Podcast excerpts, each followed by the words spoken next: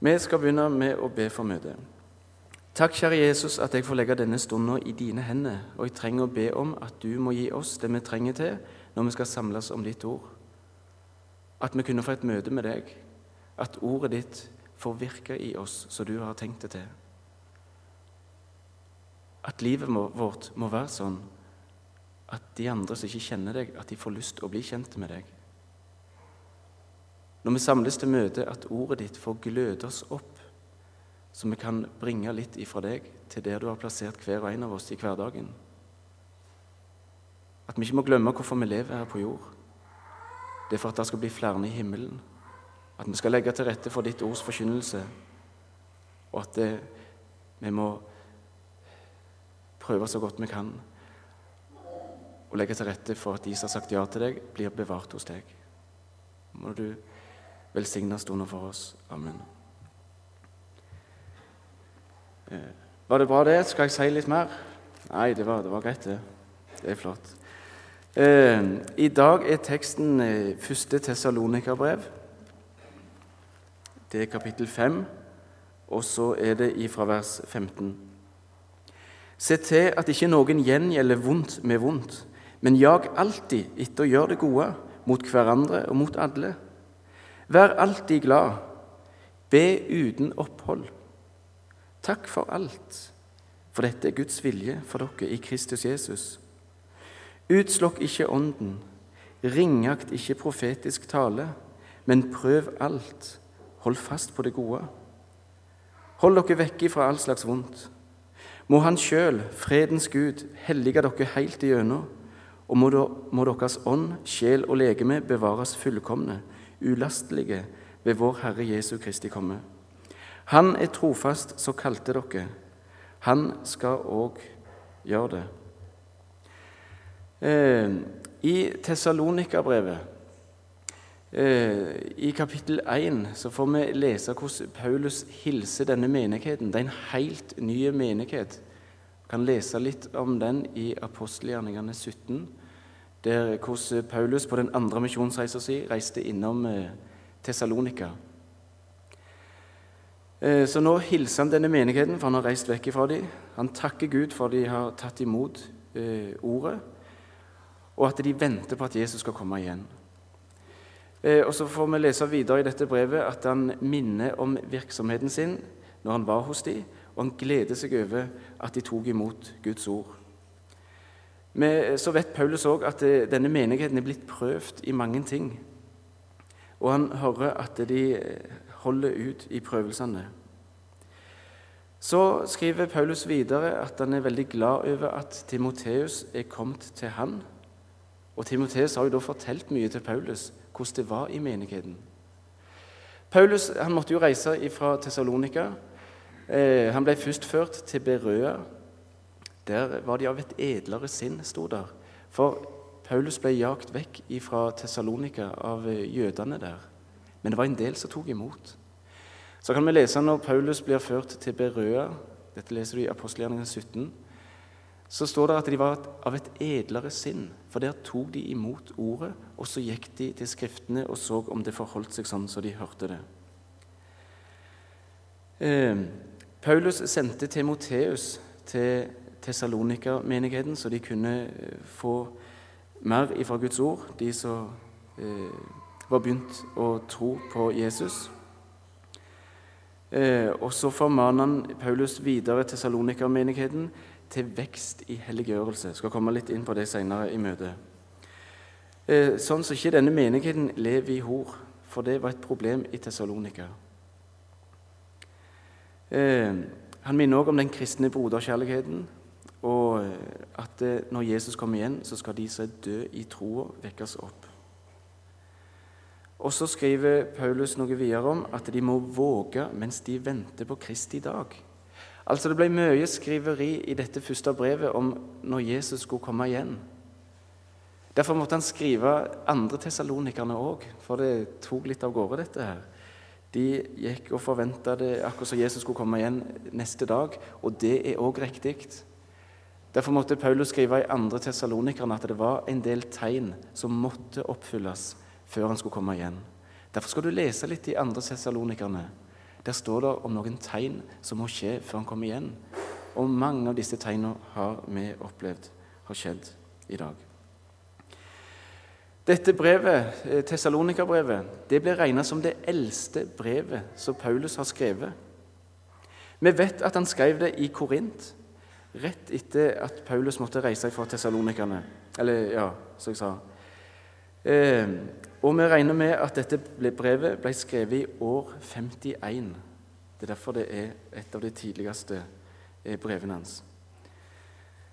Eh, I dag heter byen eh, Tessaloniki. For noen år siden så heter byen Saloniki. Hvis du går inn på internett, jeg har gjort, søkt på Saloniki, så kommer det bare fullt i fotballresultater opp. Og Gjerne at de har spilt mot Panathinaikos eller andre greske fotballag. Saloniki, eller Tessaloniki som det heter i dag, det er den ant største byen i Hellas. Bor ca. 360 000 der i dag. Du kan reise ned der, og du får se mye bysantisk kunst hvis du er interessert i sånne ting. Stor by. Eh, det var litt eh, fakta om eh, Tessalonika-brevet, hvordan det har blitt skrevet, og hvordan det er i dag. I vers 15 Jeg har lyst til å begynne å lese vers 12, bare så vi får med litt av sammenhengen her. Da leser vi at Paulus skriver.: Vi ber dere, brødre, at dere verdsetter de som arbeider blant dere så er deres forstandere i Herren og formaner dere. Se for deg en helt, helt unge menighet. De har nettopp tatt imot troa. De ønsker å leve etter Ja, de hadde jo ikke den Bibelen jeg har i hånda nå, men de ønsker å leve etter Guds ord. Eh, så Paulus han må formane dem at de skal verdsette de som arbeider blant dem. Så er forstanderne i Herren og formaner dem. Og at dere i kjærlighet akter dem ganske høyt pga. den gjerning de gjør. Hold fred med hverandre.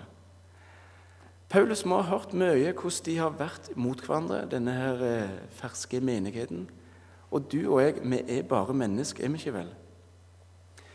Kan bare begynne å tenke på hvordan du er sjøl. Hvordan er jeg? De du går iblant i Salem, din forsamling. Har du bare godt å si om alle, du? Nei, det skjer ting blant oss som aldri skulle ha skjedd. Og sånn var det òg i denne menigheten, men sikkert mye mer. Derfor skriver Paulus dette til dem. Jeg formaner dere, eller Vi formaner dere, brødre, irettesett de som ikke kikker seg vel. Altså de som kaller seg kristne og ikke lever som de skal. Ta og Vis dem at sånn lever vi ikke. Det er snakk om for de som blir kristne, at det er noe som skal kles av. Vi skal legge vekk hor, stygt snakk, baktalelse, og så finner vi mange av disse tingene i Bibelen. Når noen sier ja til Jesus, så er det ting som må legges av. Og ikle dere, altså ta på deg. Og så får vi høre alt vi skal kle oss med. Tålmodighet. Så du bedre øver med dem, osv., osv. Vers 15. Se til at ikke noen gjengjelder vondt med vondt. I denne menigheten, når det var noen som opplevde at andre gjorde noe vondt med dem, så skal du ikke gjengjelde vondt med vondt. Jeg ser det tydelig når jeg er i skolen. Hvis det er noen som er sure på noen, så kan de slå hverandre, de spenner, og de gjør eh, all slags, for de vil gjengjelde vondt med vondt. Og det er naturlig. Hva tror du den lille tassen gjør mot den store som har sagt noe stygt til dem. De vet jeg klarer ikke å banke den, men jeg kan si noe med munnen min.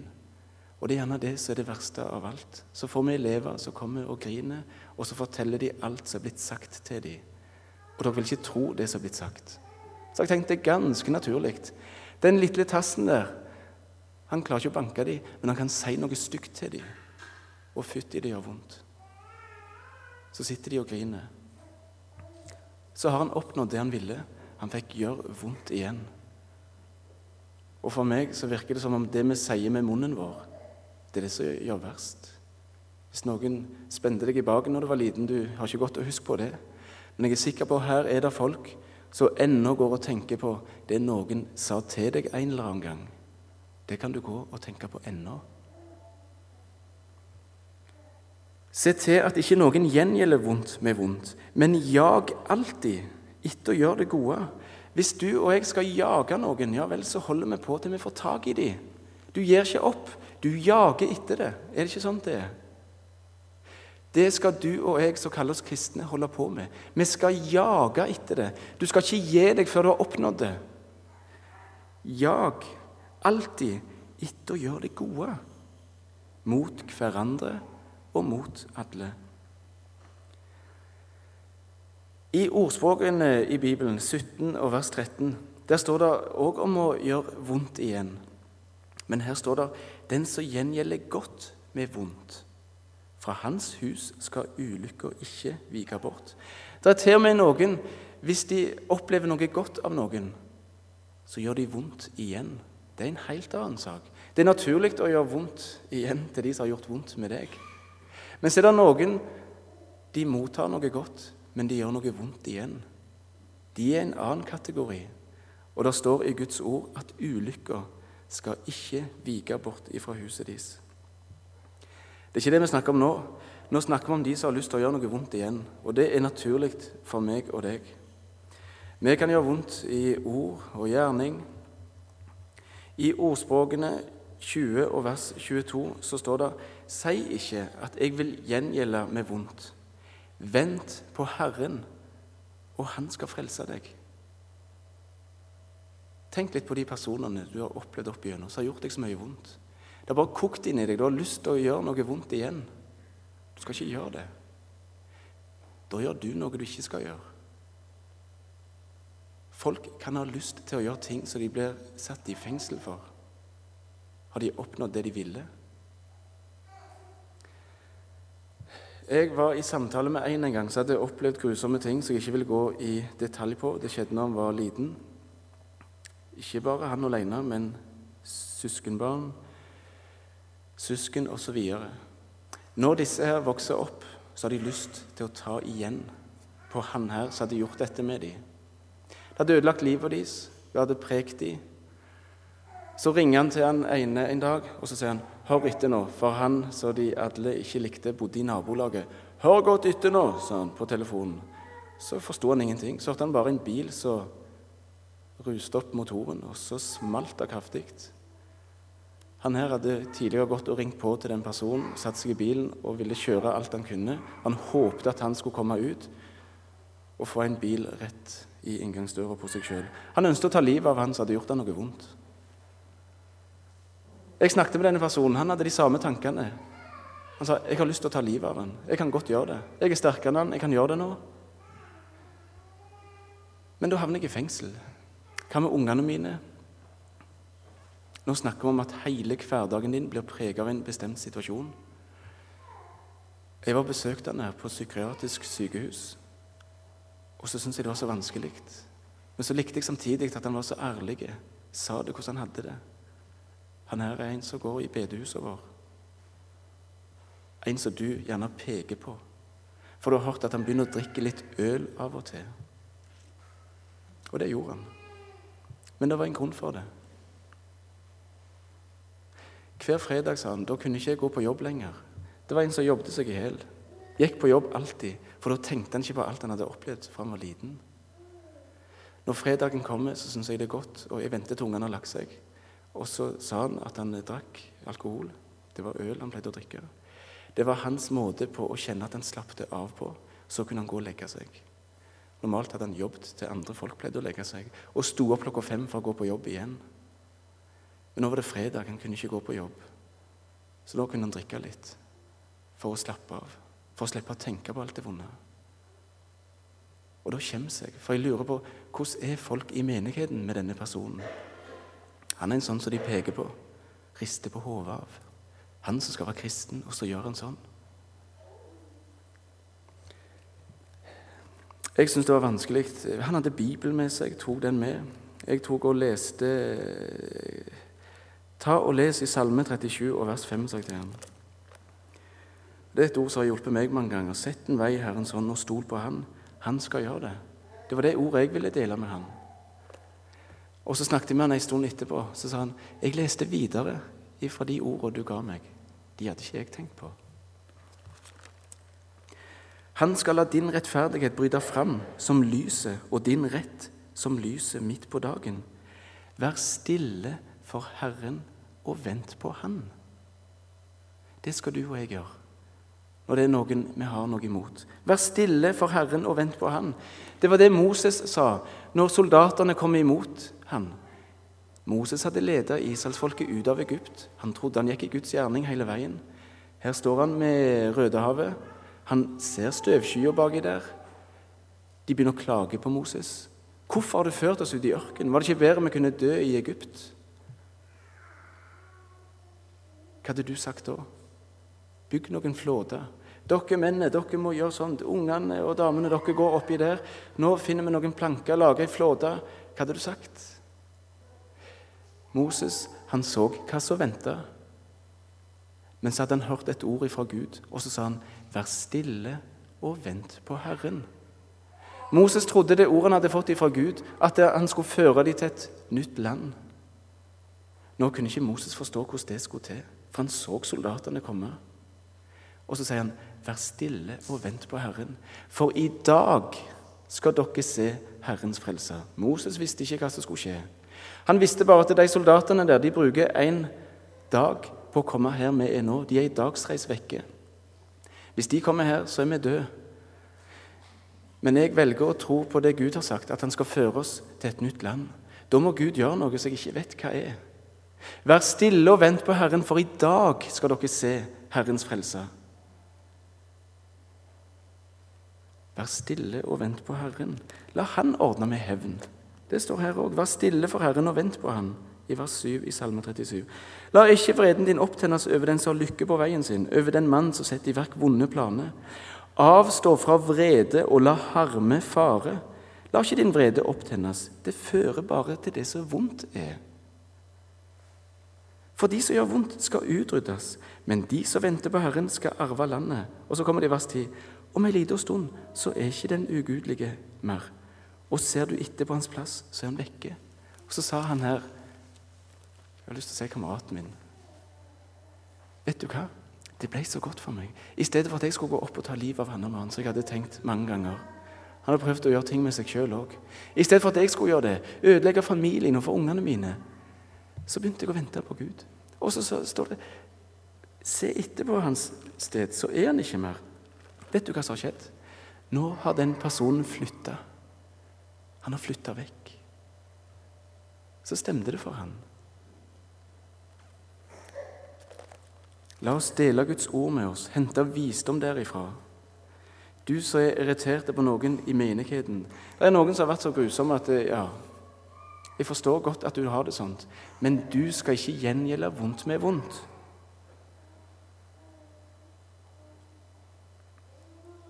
Men jeg sier dere, står det i Matteus 5,39, sett dere ikke imot den som gjør vondt mot dere.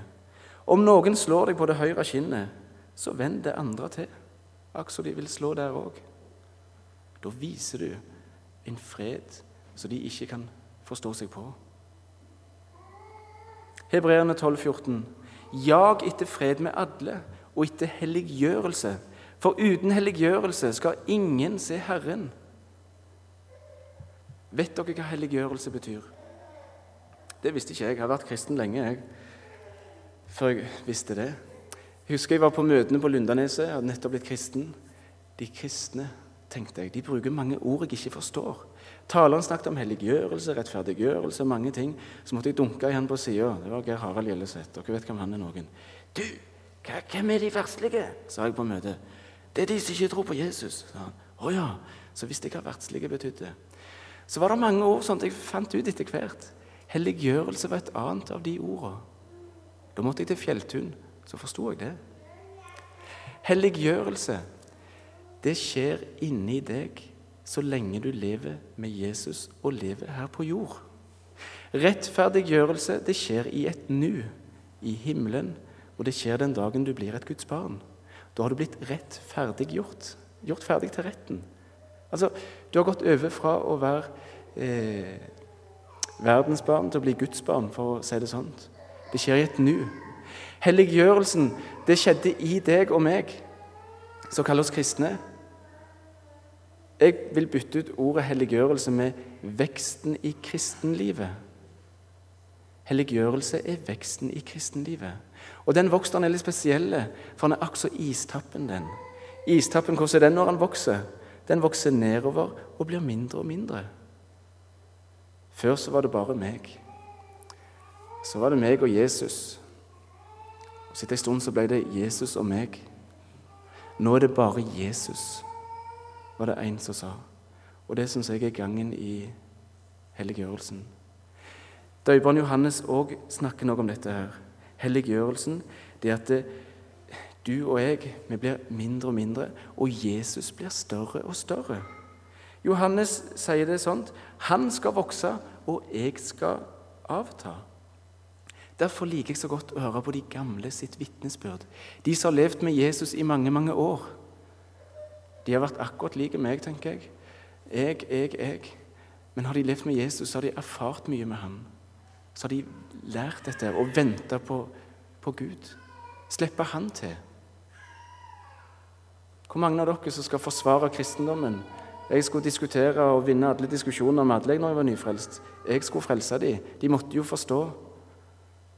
Jeg har slutta mer og mer med å diskutere med folk. Nå prøver jeg å vitne. Tenk om jeg hadde ei løve i et bur her, så skulle jeg gå rundt og forsvare løva mi til de som ville angripe den. Kan ikke jeg bare slippe løva ut, så forsvarer han seg sjøl, var det en sa. Altså, Tenk litt på det. Voksteren i kristenlivet, det helliggjørelsen, det er at vi har med Gud å gjøre. La oss henvende oss til Han når vi opplever eh, vonde ting. Eh, I vers 16 så står det 'vær alltid glad'. Nå har vi pekt på noen Så har noen i menigheten som ikke er helt fornøyde med. Og så får vi høre etterpå 'vær alltid glad'. Umulig. Ja. La oss tenke litt på de du har rundt deg, så du ikke kan noe med. Du irriterer deg over de. En sånn en du kan peke på.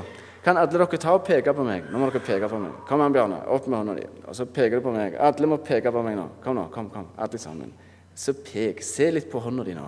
Dere der bak, dere skal få lov å peke på meg. Kom igjen. Opp med hånda di. Bra!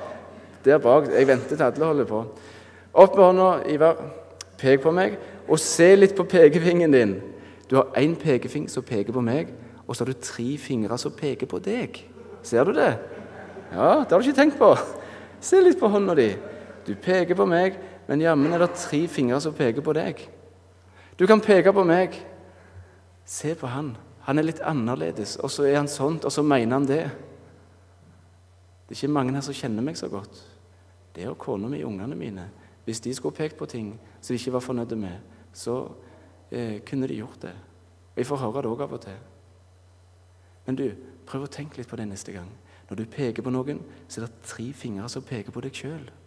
Er ikke du òg annerledes, da? Hvor mye må ikke andre stri med deg, tror du? Tror du ikke det er andre som er tålmodige med deg? Hva rett har du til å rette den ene pekefingeren på noen, og så har du så mye å styre med sjøl? Vi er forskjellige i en menighet. Ingen kan alt. Derfor har Gud gitt oss hverandre. Tenk om alle var som deg i misjonen.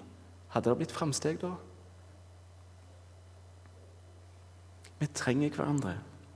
Så I stedet for å gå og bruke hverdagen på å irritere oss over andre, det skal vi slutte med. Og en ting, Når du går sånn og er irritert på noen andre, hvordan er hverdagen din da? Alle du treffer på, skal du fortelle ja, 'Vet du hva han sa? Jeg traff han her på onsdagen.' 'Så tror du ikke han sa det og det, og så gjorde han Nei, det er så gale, vet du. Og så legger vi ut. Hvordan er hverdagen din? Har du det godt når du går og er irritert på andre?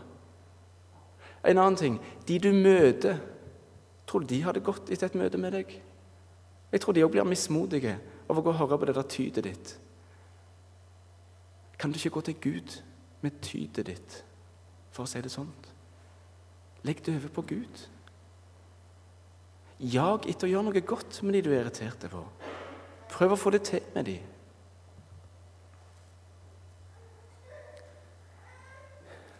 Du kan være misfornøyd med menigheten du går i.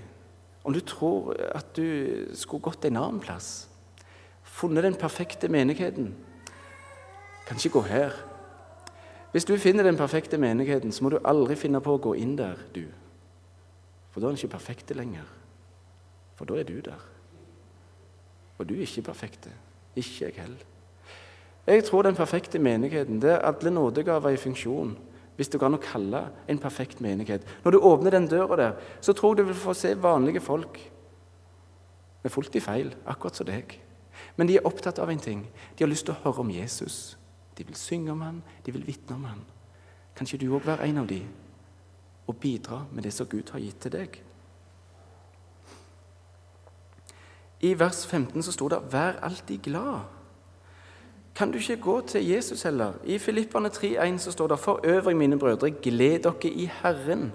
Jeg blir ikke trøtt av å skrive det samme om igjen og om igjen. kunne jeg starte. Nå står det bare om igjen en gang. Og for dere er det desto tryggere. Hvor mye må ikke Gud bale med deg? Gå til Gud. Gled deg i Han. Tenk om Han skulle være lik med deg, sånn som du er med andre. Gud er tålmodig med deg og meg. Hvis du begynner å tenke litt på hvordan Jesus har vært med deg, da blir du glad. Og så tar du, tenker at du har han på sida av deg, han du er så irritert på, eller hun. Om du tror at Gud er mer glad i deg enn i hun eller han du er så irritert på Han er ikke det. Vers 17 så står det 'be uten opphold'. Jeg var på en lang busstur med Daniel nå nettopp. Han fortalte om en eh, predikant som var kommet her på besøk fra Etiopia. Og så hadde han vært her i Salem nå i sommer. Og så sa han en ting. Det inntrykket jeg har av dere kristne her i Norge, det er at dere leser for lite i Bibelen, og dere ber for lite. Og Daniel la ut og fortalte på historier, på møter fra Etiopia, og alt det som skjedde. Og så spurte Daniel han her, hvor lenge ber du, da? Minst tre timer til dagen. Når jeg faster og ber, så ber jeg ja, hele dagen. Og det er ikke sånn at jeg setter meg ned og ber en plass. Jeg kan be overalt der jeg er. Og jeg ser på det som en investering, sa han. Når jeg bruker tid på å be, da skjer det, da skjer det noe i hverdagen min. Jeg får igjen med renter. Begynn å be for de du treffer på, i forventning til at Gud skal gripe inn og gjøre noe. Der står det i eh, Ja, nå står det stilt. Eh, kast på Herren det som tynger deg Eh, han skal holde den rettferdige oppe. Det var Salme 55, 23. Men så står det òg en plass at det, ja, det var Salme 30, 25. det. Sett en vei Herrens hånd, og stol på Han. Han skal gjøre det. Gå i forventning. Nå har du begynt å be for den vanskelige situasjonen. Begynn å be. Så står det løfte på at Gud skal gjøre det. Ikke du, men Gud skal gjøre det. Når du begynner å be, så kan du få en helt annen hverdag, tror jeg. For Gud vil gripe inn i livet ditt. Efesene 6, 18. Be til enhver tid i Ånden med all bønn og påkallelse. Vær årvåkne i dette med all utholdenhet i bønn for alle de hellige. Begynn å be for hverandre. Nå er vi i vers 18, og der sto det at eh, eh, Takk for alt, for dette er Guds vilje for dere i Kristus Jesus. Dette har sammenheng med det å være alltid glad. Takk for alt. Går det an, da? Efesene 5,20 så står det og alltid takke Gud og Faderen for alle ting i vår Herre Jesu Kristi navn. I alle ting. Som noen av dere vet, så fikk kona mi vet Brittelin, hun fikk kreft i 98. Eh, hun ville bli salva og bedt for på sykehuset. Og det skjedde. Der kom der tre stykk som vi kjente fra før. Han ene av dem, det var Knut Pedersen. Han er lærer på Fjellheim nå. Jeg har fått et ord, sa han, og du syns gjerne det er merkelig. Men jeg vil lese det likevel. Så leste han fra Romerne 8,28.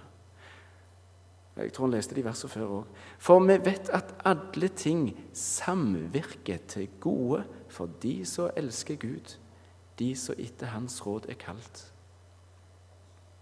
Jeg tror at dette vil bli deg til velsignelse, sa han til Brittelin. Jeg var så opptatt av alt det andre der, så jeg fikk ikke med meg jeg fikk med meg det han delte, og alt det der. Men mange dager etterpå så sa Britt-Linn jeg har tenkt så på det Knut sa. Dette skal bli meg til velsignelse. Jeg har tenkt at dette er straff for et eller annet jeg har gjort. For vi vet at alle ting samvirker til det gode for den og kreft. Kan det stemme? Takk for alt, for dette er Guds vilje for dere i Kristus Jesus. Tenk at vi har en som er så glad i oss. Tenk på Jesus i Getsemane. Der ber han om å slippe den pina det vil bli for Jesus å møte Gud med synda di. Jesus ber ikke om å få slippe å gjøre opp synda di, men han ber om å slippe den pina det vil bli for han å møte Gud med alt du har gjort. Tenk, da sa Gud nei til Jesus, og så sa han ja til deg.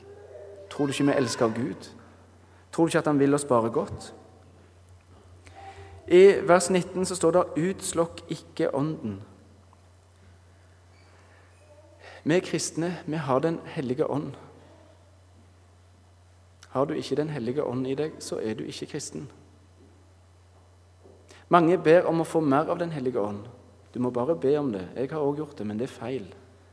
Enten har du Den hellige ånd, eller så har du den ikke. Be heller om at Den hellige ånd må få bedre arbeidsrom i hjertet ditt. Ikke be om å få mer av den, for den har du, så sant du er kristen. Det står noe i Efesene 4 og vers 30.: Og gjør ikke Guds hellige ånd sorg, Han som dere har fått som seil til forløsningens dag. Det står der. Du og jeg kan gjøre ting, så gjør Den hellige ånd i oss sorg. Derfor står det i vers 19.: Utslokk ikke ånden. Det er et godt ord, dette her. For det er sånn med meg og deg at hvis det er noen vi ikke liker så godt, de kan vi bli sinte på. Vi kan bli sinte på dem hvis de gjør noe de ikke skulle ha gjort.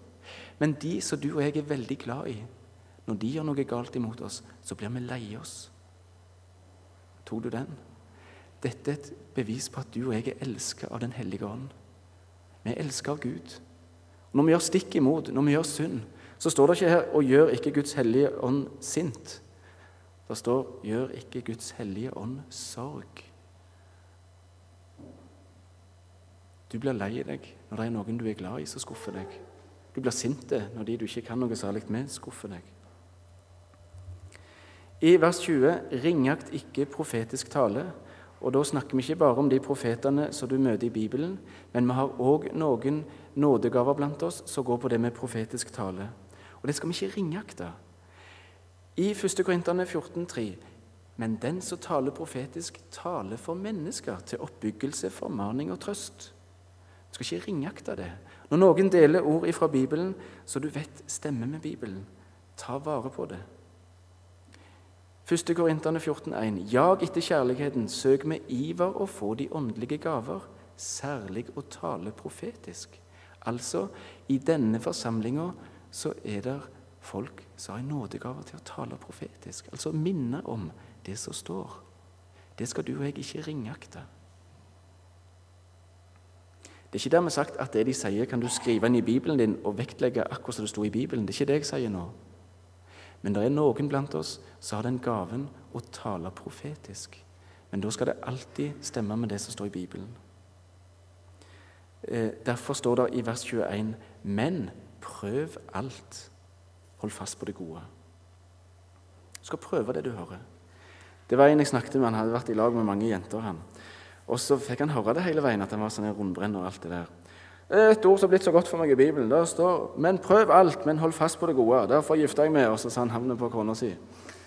Ja, Det er ikke sånn vi skal eh, lese det. Det gjelder å prøve det vi hører som er ifra Guds ord. Vers 23.: Må Han sjøl, fredens Gud, hellige dere heilt igjennom, og må ånd og sjela deres bevares fullkomne ulastelige ved vår Herre Jesu Kristi komme.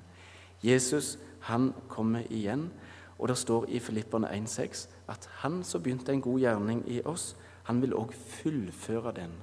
Det som er begynt i deg, det vil Gud fullføre. Du kan være helt sikker på det.